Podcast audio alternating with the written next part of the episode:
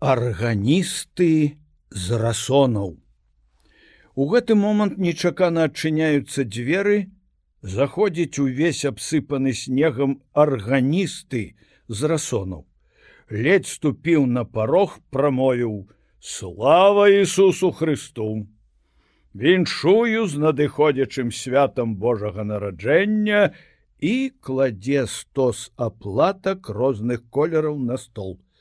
А дзякуй вялікі дзякуй сказаў дядька чакаў пана Андрэя ўжо думаць пачаў што сёлета ён можа забыў дзе жыве завальня як можна забыць пра пана завальню асабліва ў такую лютую буру змеціўшы зыркі ліхтар на доме добры і ветлы гаспадар якога клапоціцца пра жыццё падарожных У той толькі час і госці ў мяне, калі пакрые нешчарду лёдам, але за гэта вясной і летом жыву, нібы пустэльнік, які акружаны вадою і лесам. Арганісты звяртаюцца да сляпога францішка. О, даўно не бачыліся, грамадзянин усяго свету, А пра расоны ўжо зусім забыў. У нас і цяпер успамінаюць, як некалі ў час юбілею спяваў ты на хорах. Хто з ксёншкі, а пан францішак усе песні на памяць. Ну, калі ж ты нас наведаеш. Жыву я цяпер вельмі далёка. Але ж ты жывеш там, дзе сустракаеш ласкавых і сапраўдных сяброў, а такіх у цябе шмат па ўсёй Беларусі. Цяпер з ласкі майго пана маю свой дамок на выспе пасярод возера рабло. Там маю намер пакласці канец свайму тулянню, пакуль мне, пан Бог дазволіць жыць. Ведаю твайго пана, шляхетны ён чалавек, маёнтак яго ля самага возера рабло у рабшчызням. Я бываў там некалькі. Не блізка адгэтуль. Вёрст 60 будзе.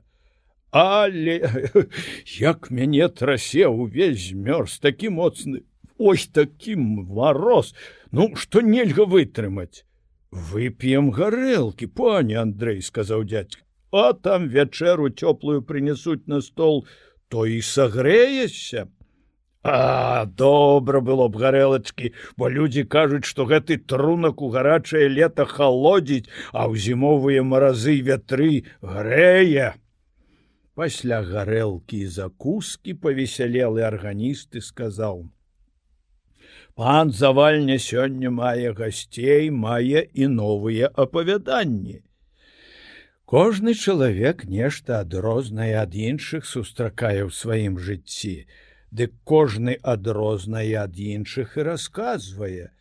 І янка філосаф езуіцкай акадэміі мусіў ужо распавесці шмат гісторый Чуў я, што калі ён быў яшчэ ў школах, дык вельмі любіў чытаць кніжкі. Ягоныя гісторыі вучоныя. Расказваў мне пра нейкія паганскія народы, што жылі, ой, Бог ведаю, якія даўнія часы. імён на іх такія цяжкія, што на другі дзень ужо не памятаю. І я, хадзіў да езуіта ў школы.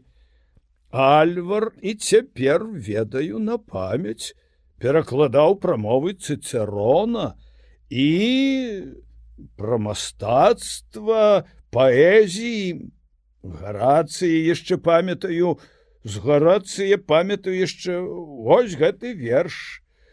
Варты ўсялякага ўхвалення той, хто паяднаў прыемнае з карысным.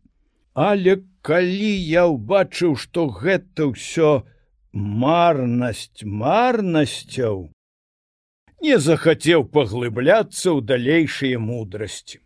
Навошта філасофстваваць лепш верыць сэрцам дык пачаў вучыцца музыцы і цяпер дзякуй Богу маю месца пры касцёле і задаволены. І ўсё ж цяпер чарга пана Андрэя расказаць што-небудзь. А ці не будзе гэта ўжо позна? Колькі часу? Не маю гадзінніка сказаў дядька але ведаю што яшчэ далёка да поўначы. У мяне дома ёсць гадзіннік памятка ад ксяндза пракуратара. Калі б я з'яўляецца зязюля і кукуе столькі разоў якую выбівае гадзіну. Адзін падарожны начаваў у мяне і пачуўшы голас гадзінніка зязюлін спеў расказаў мне апавяданне пра роспачнага маладога чалавека і вогненных духаў